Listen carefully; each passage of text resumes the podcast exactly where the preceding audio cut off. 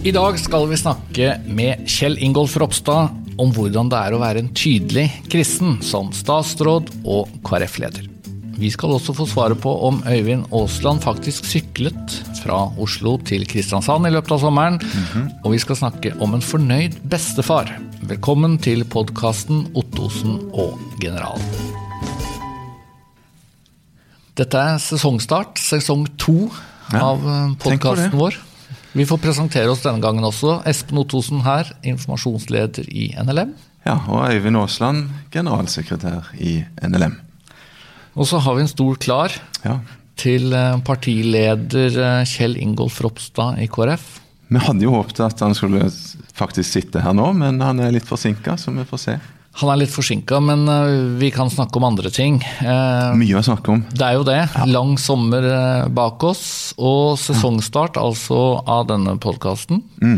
Men også sesongstart i England. Og Det er jo det som betyr noe. én seier, én uavgjort så langt. For for Manchester United, ja. Ja, det er jo det som du interesserer deg for. Det er jo det. Det er viktig å få med at, eh, at jeg har vært eh, Manchester United-supporter i mer enn 40 år. Eh, Ja. Så det, var, det er både opp- og nedtur, det. Men jeg liker den sesongstarten her, altså. Men altså, det, det går jo nedover, da. Det starta Ja. med en knallseier mot Chelsea. Men du vet, når Solskjær overtok forrige gang, så var det liksom den enorme seiersrekka. Nå er det liksom seier, uavgjort, ikke tap. Unge, nye, lovende spillere som begynner å finne ut av samspill og, og, og bli skikkelig coacha. Så jeg, jeg tror det her skal bli bra, altså. Trua i år. Det, vi, vi kommer til å følge dette opp, selv om din strategi har jo vært at vi bare hopper over fotball når det går dårlig. Vi snakker om det når det går bra, og ikke så mye. Og vi kan jo snakke litt om Start, som er inne i sesongavslutning. Og faktisk nå har seks kamper på rad med bare én uavgjort og resten seire. Og ligger på direkte opprykk. Det er Eller vi kan snakke om Strømsgodset. Jeg gjorde jo den tabben da i denne, dette tilfellet å gifte meg inn i en Strømsgodset-familie og heid på Strømsgodset siden jeg da gifta meg for eh, 28 år siden. ja. De, eh, det, det går mot nedrykk, Ja, ja, ja. ganske klart, eh, ser det ut til nå også. Det kan Men være at Start og Strømsgodset bytter, bytter plass. Det kan faktisk hende. Interessant. ja. Men vi får prøve å ikke la det gå utover eh, vennskap og podkast. Vi får gjøre det. Men vi, vi kan snakke om noe annet også. øh, Faktisk tease, eller øh, hva det nå heter. En episode om en måneds tid. For da får vi med oss Peter J. Williams Det er stas. Han, han skal komme til Oslo 20. til 22. september og ha en konferanse som heter Reliable. Altså Det betyr jo noe sånn som pålitelig eller noe sånt på norsk. Og han skal snakke om at Bibelen er til å stole på. Ja, særlig evangeliene, for han har skrevet en bok som vil også bli lansert på den konferansen på norsk. Lunde lanserer den boka når konferansen starter. Ja. Og det, det er jo en fantastisk fyr, han Williams. Mange vil nok si at han er en av verdens ledende teologer, evangelikale. Ja. Fantastisk kunnskapsrik og en kjempefin formidler. Og det blir veldig flott at han kommer hit. Jeg vet det har vært prøvd før å få han ja. til Norge, men han er svært populær. Jobber altså i Cambridge på Tyndale House. Tyndale House. Og der har jo du studert et halvår. Jeg var jo en student sammen med han faktisk der i et halvt år, eh, vinteren 97. Ja. Det er mulig han pløyde dypere som student. Han gjorde nok det, og, men, men det er klart eh, det er fint å ha på CV-en og ha studert sammen med han. Kanskje jeg fikk bety noe for han i hans Nei, nei. Nei, jeg tror ikke det. Men, men uansett, vi vil gjerne oppfordre folk til å komme og lytte. Og det er mange andre flotte norske foredragsholdere fra Fjellhaug internasjonale høyskoler og andre steder. Så 20. til 22. september i Oslo, Misjonssalen. Det er bare å sette av de datoene der og komme og bli med på konferanse. Men nå, nå satser vi egentlig på at vi kan eh, få inn Ropstad. Ja, vi håper at eh, han er rett rundt svingen. God dagen. God dag, god dag. Slå deg ned, du får eh, hedersplassen imellom oss. Her blir det mye bråk og baluba, men det får vi tåle. Kan man ta på headsetet, da? Du, det er fantastisk flott å få ønske velkommen eh, Kjell Ingolf Ropstad. Det som er det aller beste for meg, det er jo faktisk at du er hunndøl. Ja, stemmer Tenk det. to hunndøler i denne podkasten, Espen. Det hadde du ikke regna med. Nei, er det noen flere igjen der nede Ja, tenker jo jeg. Det burde jo vært sånn hver gang. Så det, jeg kjenner vi snakker mer breit med en gang. Det, det er det jeg òg gjør, ser du. For, eller, jeg, du er egentlig ganske flink til å holde på dialekten når du er framme i det offentlige. Altså, jeg bruker jo åkke. Ja. Ikke om du bruker det. Nei, jeg gjør ikke det. Jeg sier oss, Ja, altså. det er- dessverre. Det Ja, det slipes jo litt av oss. Jeg merker Ja, ja. spørreordene er det kanskje vanskeligste. Ja. Men uh, prøver å holde på det. K og kvenner. Men når du er, når du er hjemme om sånn, stikker du innom bakeriet og kjøper ei porker og sånn, eller? Nei, jeg spiser jo sunn mat uansett, så det Ja, Porker, det er ikke, det er ikke aktuelt. Men uh, det har jo endra seg mye, da, så det var mye snadderloff på tipp topp. da. Det er ikke det samme. Da. Nei, det er sant. Men Hundøl, sier dere. Vi må jo fortelle Altså, det er Hornes vanlige mennesker vil kalle dette. Hornes, ja. Hornes, og det er da ikke en egen kommune engang. Nei, det er òg Ja, altså det, det faktisk, Den ble slått sammen på 60-tallet, eller 1960, og det var den eneste kommunen som ikke ble enige om navn. Så det ble Evje og Hornes.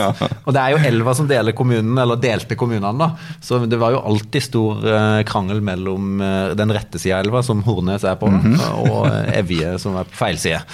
Nå går jo begge to rundt og sier at vi er fra Evje, da, så det må jo ha sklidd litt ut. Det sklir litt ut. Evje er tross alt litt mer kjent. Så jeg må jo ha sagt at jeg er fra Moisund, Ja, for hvis ikke så blir det galt. men Hvis ikke så blir det galt hjemme. Men hvor mange kilometer snakker vi om her, liksom mellom da barndomshjemmene deres? Det er ikke langt, Det er ikke langt. men det er jo 6-7 kilometer, kanskje. Ja. Og det er mest skog imellom. Ja. Men jeg gikk i klasse med lillesøstera til Øyvind, da. Ja. Ja. Mm. Og så har dere Nå ble hun glad når hun nevnte det. Og så, så har dere gått på samme videregående skole. Også? Ja, Det er vi eh, ikke samtidig. Nei. Øyvind er så gammel, vet du. Ja. Altfor gammel. Nei, men jeg- og ikke i jeg- jeg- selv om du var gymnas der. Eller Ja. er det fortsatt Men videregående? jeg gikk bare første klasse og litt starten av andre, og så flytta jeg til Drottningborg. Mm. Så jeg begynte på, på Drottningborg i midten, midten av andre klasse. Når fotballsesongen og jakta var ferdig, så bare reiste jeg. Det ble Drottningborg. Ja. Ja, Det angrer jeg virkelig ikke på. Nei, for da ble du jo eh, Altså, den drives jo av NLM, så da ble du kjent med oss da, eller kjente du eh, til oss fra før?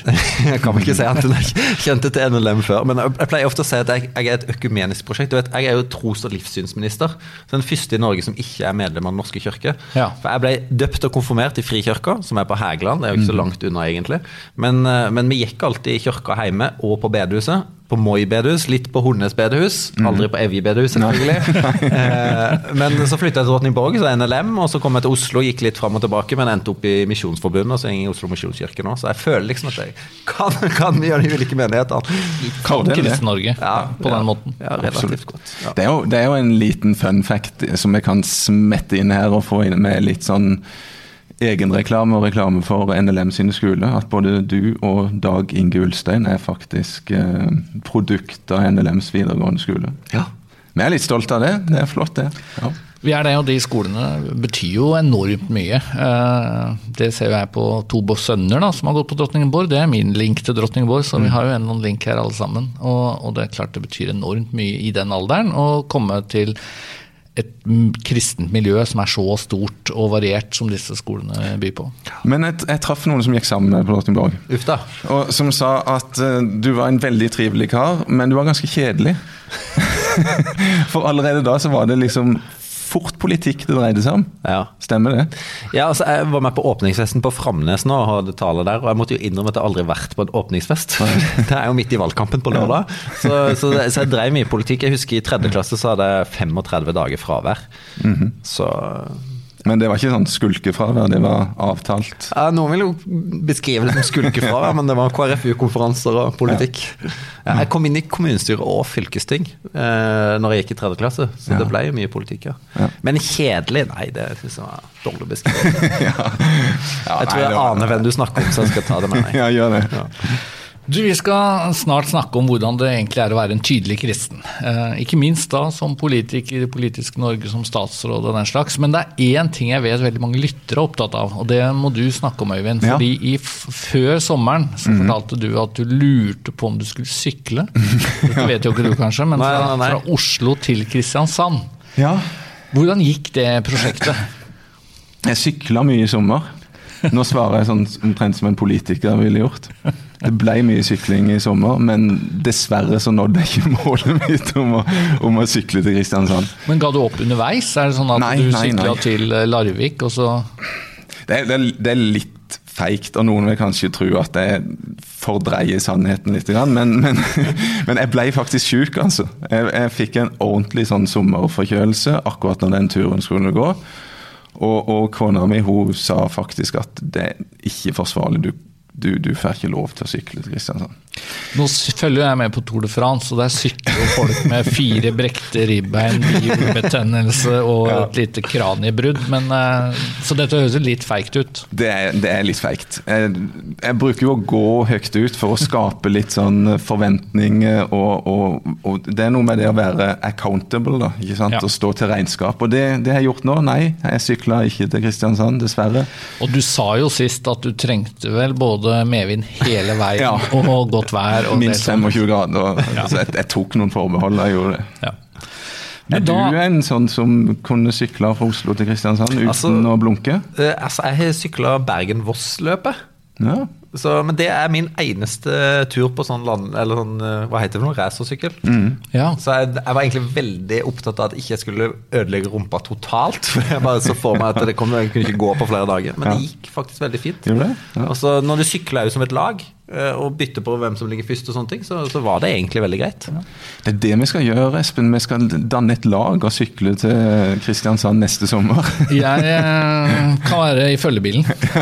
For det, det Du der- ser sykkel og Jeg ser praktiserer sykkel ikke så og mye. praktiserer veldig lite. Jeg har aldri prøvd Jeg har en sønn som har sykla veldig mye og sykler med racer, men jeg har aldri prøvd disse klikkpedalene og syns det ser veldig sånn skummelt ut. For jeg hadde jo glemt at uh, føttene mine satt fast. Jeg hadde jo det. Ja. Og fått skrammer deretter. Altså, jeg trynte når jeg prøvde. Ja, man gjør visst det. Ja, det får det, ut, det var ikke så lett. Men, ja. nei, nei. Men da har vi vært innom litt av hvert. Nå skal vi komme oss til eh, tema. Vi skal snakke om hvordan det er i dagens Norge å være en tydelig kristen. Vi tenkte å starte med noe du, Kjell Ingolf, sa til Aftenposten for noen uker siden. Der var det en artikkel hvor du sa omtrent sånn Det begynner å ligne et systematisk problem. Å vise fram sin tro blir sett på som noe litt på kanten. Og så sto det videre KrF-leder Kjell Ingolf Ropstad mener vi ikke må ha berøringsangst overfor religion. eh, Og kritisere Arendalsuken for å legge begrensninger på kristne organisasjoner som vil delta der. Og så hadde jeg bare lyst til å starte med at dette temaet kan jo virke litt sånn sutrete. Her er det på en måte kristne som eh, noen vil si da, har mistet privilegier, og de opplever at ting ser eh, litt mørkere ut enn for noen tiår siden. Eh, Er du litt sånn opp, redd for å bli oppfatta som at her skal man plassere seg i en slags offerrolle? Eh, jeg er iallfall opptatt av å understreke at jeg ikke kjenner meg som noe offer. Eh, og hvis du tar meg og deg, Espen, som er ofte i media og, og forsvarer ting eller fronter ulike standpunkter, så er jo vi noen av de som virkelig eh, har ytringsfrihet og har mulighet Ja. til å kunne stå, stå for det. Og jeg tenker iallfall som statsråd og som, som politiker, så, så, så skal jeg ha motstand òg. Altså, det er jo det som er gamet. Jeg, jeg har full mulighet til å stå for det jeg gjør, fortelle det, og så møte, møte motstand på det. Det, det er helt fair. Men det som, det som jeg har vært opptatt av, er bare at eh, når du ser liksom hendelse etter hendelse, så har jeg en oppfatning av at eh, politikere, men òg ledere i det offentlige, da, har en slags sånn der frykt for at når, når de kommer inn på religion, så er det litt på usikker grunn, og så sier de nei eller avviser fordi at de er redd for enten å støte noen eller at ting skal være nøytralt. Um, og da er jo eksemplene med, med skolelaget som ikke fikk lov å ha bolle på, på skolelaget, som om det lukta av bolle liksom skulle hjernevaske alle, og ing, all kritisk sans bare forsvant. Ja. Så Åssen sjakklubb eller annet annen forsamling er det som ikke får lov å servere bolle på en skole? Det, sånn, fins ikke, men fordi det er religion, så er det liksom kritisk. Eller, eller Arendalsveka, da. Som jeg mener er et sånn teoretisk syn på hva tru er for noe. fordi jeg kan, jeg kan ikke bare legge vekk trua mi. Det, det, alle, alle som er truende mennesker, enten det er kristne eller muslimer eller andre, så det, det, det er jo en del av identiteten. Og det at du skal Ja, du kan ha en stand der, men du kan ikke drive misjonering. Så det er bare sånn, ja, ja, men hva skal du gjøre på den standen, da? Skal du ikke snakke om hvorfor du er en kristen organisasjon, eller hva du tror på? Ja, og alle andre som har en stand på Arendalsuka. Jeg var jo der faktisk Ja. for første gang, så deg i gågata et par ganger. Eh, jeg legger jo merke til at alle har jo et budskap de vil formidle. Ja, og det er jo en, demokrati, altså det er en del av demokratiet. Poenget er jo at du får meningsutveksling og motstand. Ja. Så, så, så, det har vært litt som jeg snakker om berøringsangst. Og så har jeg nok òg fått eh, en del tilbakemeldinger fra særlig unge jenter. da. Det trenger ikke være truende heller, men som møter mye tilbakemeldinger, eh, negativ eller sjikane, rett og slett, når de har uttalt seg, KrFU-er og andre som, som, har uttalt seg i media. Og, og enda verre er det hvis du er innvandrer og muslimsk jente og uttaler seg, så er det mange som bare ties i hjel. Eh, men, men òg eksemplene om de som ikke lenger tør å ha verv, kristne verv på CV-en. Mm. Eh, fordi, eller prøver altså Disse eksemplene med folk som prøver å fjerne fra Google eh, søkene om et eller annet som er linka til kristen. fordi de ikke får jobber, eller frykter at det, det, gjør noe med det. Da. Det, det syns jeg er en sånn tegn i tiden som, som bare er ikke tror, er bra. da. Du tror det blir eh, vanskeligere å være en ja,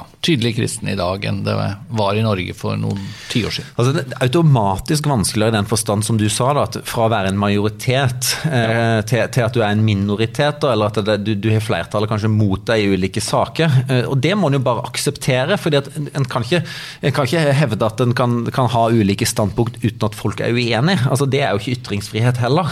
Men, men, at det kan da være mer krevende å stå for noe, eh, det er kanskje ikke noe tvil om. Eh, og Spesielt altså, når vi snakker om Drottningborg og snakker om 16-åringer. Eh, det å være alene kristen i en klasse og stå for ulike standpunkt, det er ikke sikkert det er like lett i dag som det var når jeg gikk på offentlig skole, og, og ikke minst da når jeg flytta til Drottningborg. Men er det Er du ikke inne på litt av kjernen der, eller? Det er min mening, da. At uh, hvis du er en tydelig kristen med det som vi kan kalle for eh, klassiske kristne synspunkt, og, og, til og med vil hevde at det er sannhet, så er det Da er det berøringsangst, altså. Og hvis du nevner Jesus og noe av, av, av det sentrale i trua, mens jeg la merke til at det var enkelte kristne som kom deg i, som i møte gikk deg og sa at ja, men vi opplevde det ikke sånn i det hele tatt. Det er jo tvert imot rom for undring. og religiøse tema interesserer jo som aldri før, og, og, vi kan snakke om det. Men er det ikke noe med hvis du, hvis du blir litt normativ, da, så, så uh, kan du fort uh, ja, merke at det koster. Jo, jo, jeg tror det. Og, og, og, men, men, det er jo ikke dermed sagt at en ikke skal møte motstand heller. Altså, altså, en kan ikke, kan ikke, kreve at folk ikke skal være uenige.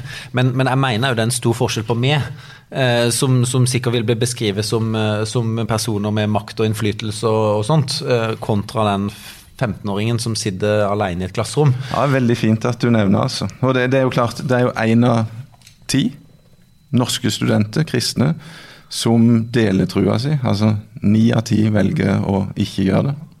det. Og det er klart det er en kjempeforskjell på oss, eh, og det tenker jeg ofte på. Vi er jo ledere i kristne organisasjoner. Du er leder for et parti som heter Kristelig i navnet. Det er veldig forventet at man skal um, fremstå som kristen. Det kan være krevende i, i visse situasjoner, men det gir, en, det gir, noen rammer som faktisk eh, jeg tenker at det er bra da, for, for meg og, mm. og, for mange.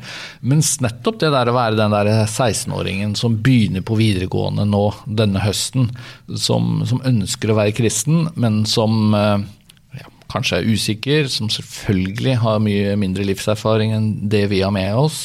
Mm. Eh, å komme da inn i en setting og møte masse kritikk, masse vanskelige spørsmål, det, det er jo beintøft. Mm, det er det.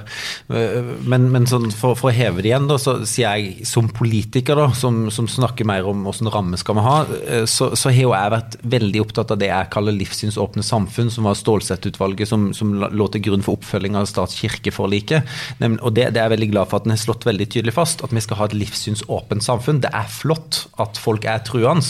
Det er positivt for enkeltmennesket, det betyr enormt mye. Men det er også positivt for samfunnet. sånn understreker at mm. det, og Ikke minst når en ser alt det fantastiske som skjer i regi av ulike trossamfunn, så er det positivt. Men hvor stor enighet er det om at vi skal ha et livssynsåpent samfunn? Hvor, ofte, hvor tydelig ser du det i diskusjoner og debatter, at der er vi enige? Eh, Iallfall sånn eh, når vi har diskutert i regjering, så er det full enighet om det. Og så er det jo eh, det som en er samtidig opptatt av, da, det er jo at i et livssynsåpent samfunn så handler det om at det skal være rom for religion da, og være rom for tro.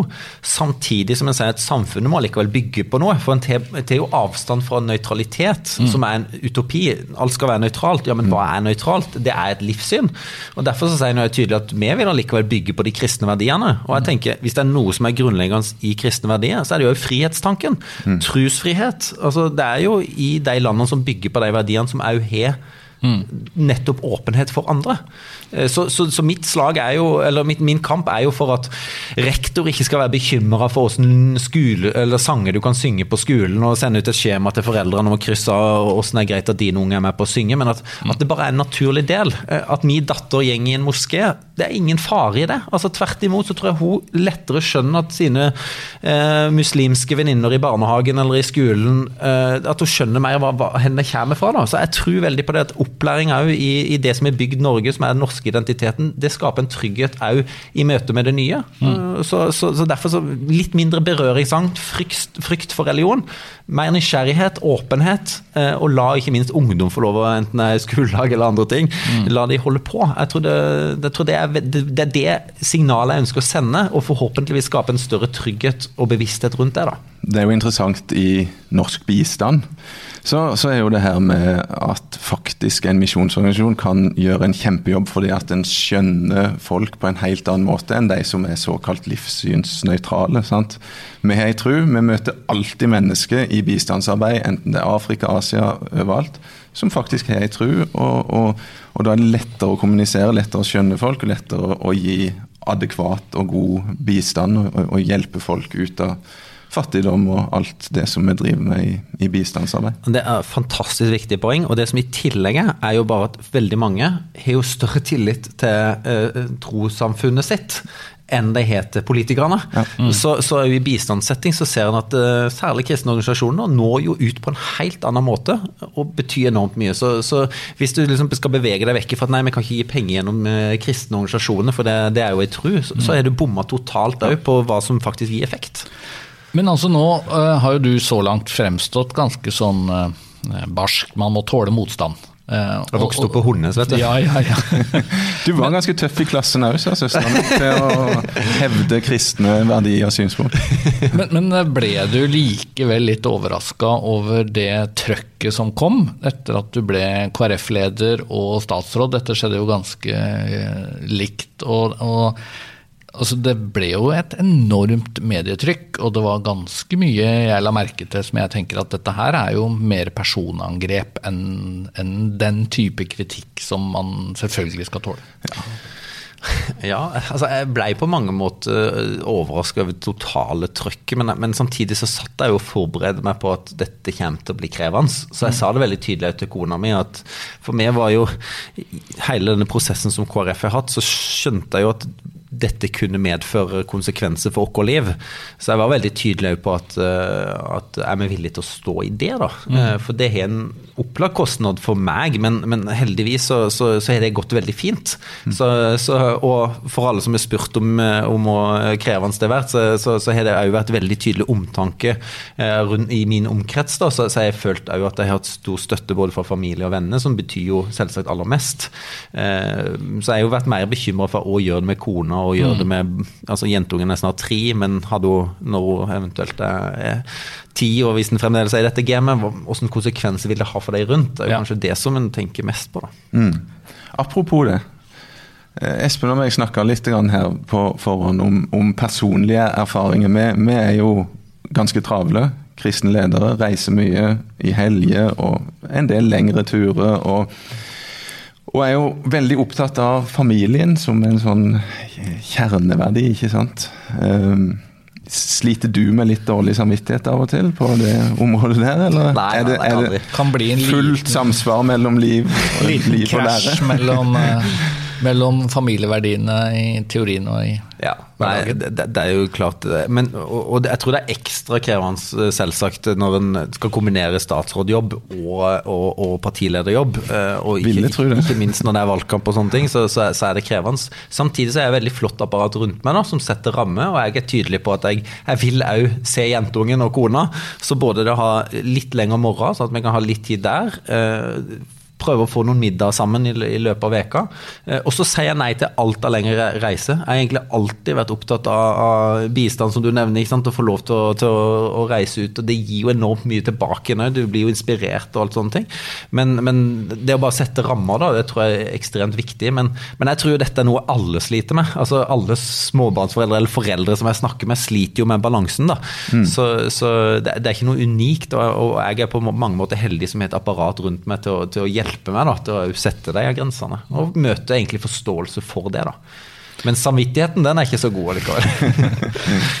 Men hvordan er det å være en Altså, du ønsker antagelig, jeg regner med det, å være en tydelig kristen. Um, men så er du jo i det politiske liv. Og da skal man jo drive med politikk. Og, og det er jo veldig mange som er veldig opptatt av, og det, det er jo KrF også på sitt vis, at vi, vi må jo også skille mellom tro og politikk. Er- eller, eller teologi og politikk syns jeg er bedre begrep. da, Ja. fordi eh, Jeg mener jo KrF har vært ryddig hele veien. Altså Vi har vært opptatt av at det er kirka sjøl som skal utnevne biskoper. Det er kirka sjøl som skal bestemme i lærespørsmål. Det er ikke politikerne som skal bestemme det. altså Da, da mister du trosfriheten òg, da. Så derfor så, Og dette er blitt flaska opp i òg, så, så jeg er så, så, på mange måter veldig takknemlig for å slippe å ta stilling til disse teologiske spørsmålene som dere må, må bale med. Ja. Jeg er opptatt av rammer som er gode for at det skal være fint å drive eh, menigheter og trossamfunn. Men er du redd så må de ikke bestemme. Men er du litt redd for at du som Kjell Ingolf kan bli litt sånn utydelig? fordi at eh, du skal jo ikke snakke om teologi. Du vil jo antagelig gjerne snakke en gang iblant, i hvert fall om Jesus som verdenslys verdens lys og verdens frelser. Jeg Syns du du kan det som statsråd? Komme med et personlig vitnesbyrd om hva Jesus betyr for deg? Ja, det føler jeg har gjort i mange settinger, og det, det, det tenker jeg er helt naturlig. Men, men hvis jeg skal være helt ærlig, så har jeg nok heller hatt en frykt for at mitt engasjement, eller det at jeg oppfatter som en tydelig kristen, da, at, at det kan sperre for at folk velger å bli kristne. Altså at ting jeg gjør, ting jeg sier, skaper en høyere terskel, eller, eller gjør at folk velger vekk trua, da. Mm. Så, så jeg tror nok heller den frykten eh, for at jeg skal ødelegge for dere som, som driver mye mer konkret eh, arbeid, da. Hm, interessant. Men jeg tenker også på et, eh, det jeg har skrevet, eller tenkt at det er et slags moralistisk dilemma. Fordi at som politiker så vil jo du snakke veldig mye om eh, jeg å si, spørsmål i skjæringspunktet mellom etikk og juss. ikke sant? Det kan handle om eh, abort, eh, dødshjelp, eh, ekteskap, ekteskapslovgivning, alkohol, eh, bioteknologi, alle disse typer temaer.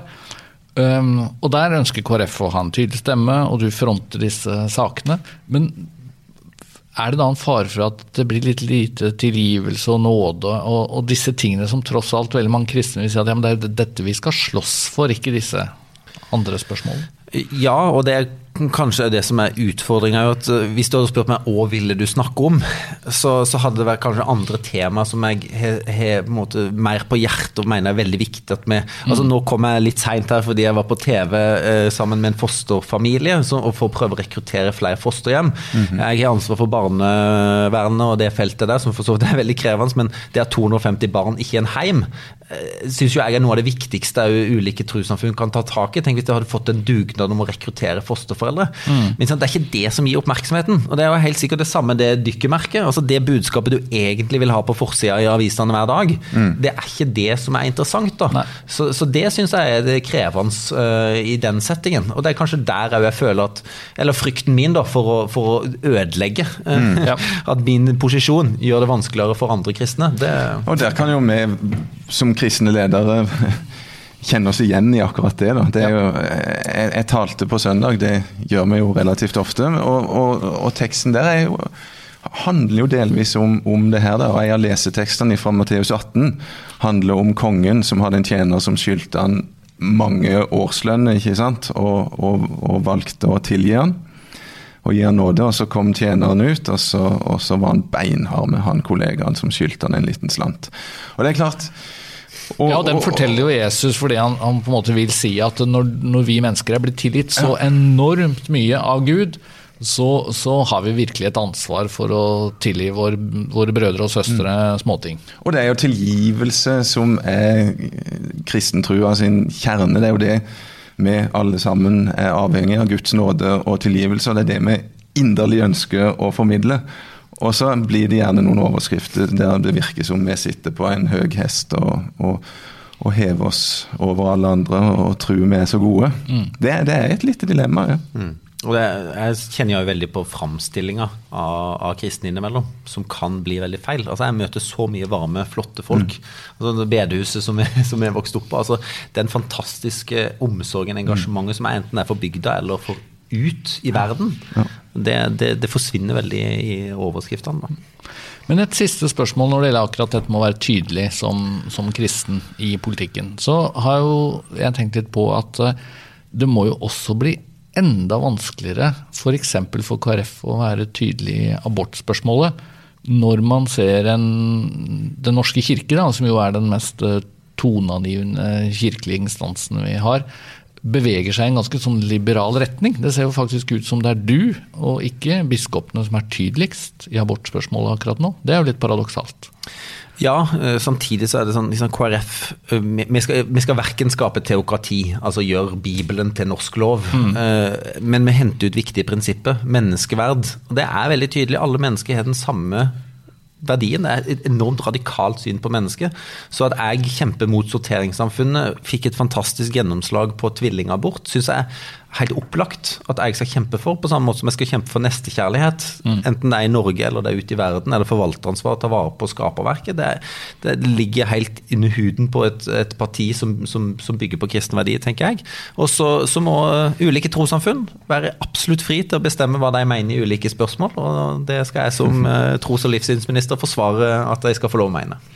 Veldig raus eh, holdning overfor biskopene, som vi gjerne tar, tar litt eh, Vi er ikke fullt så eh, i det rause hjørnet. Men da tror jeg vi skal sette strek for denne viktige samtalen.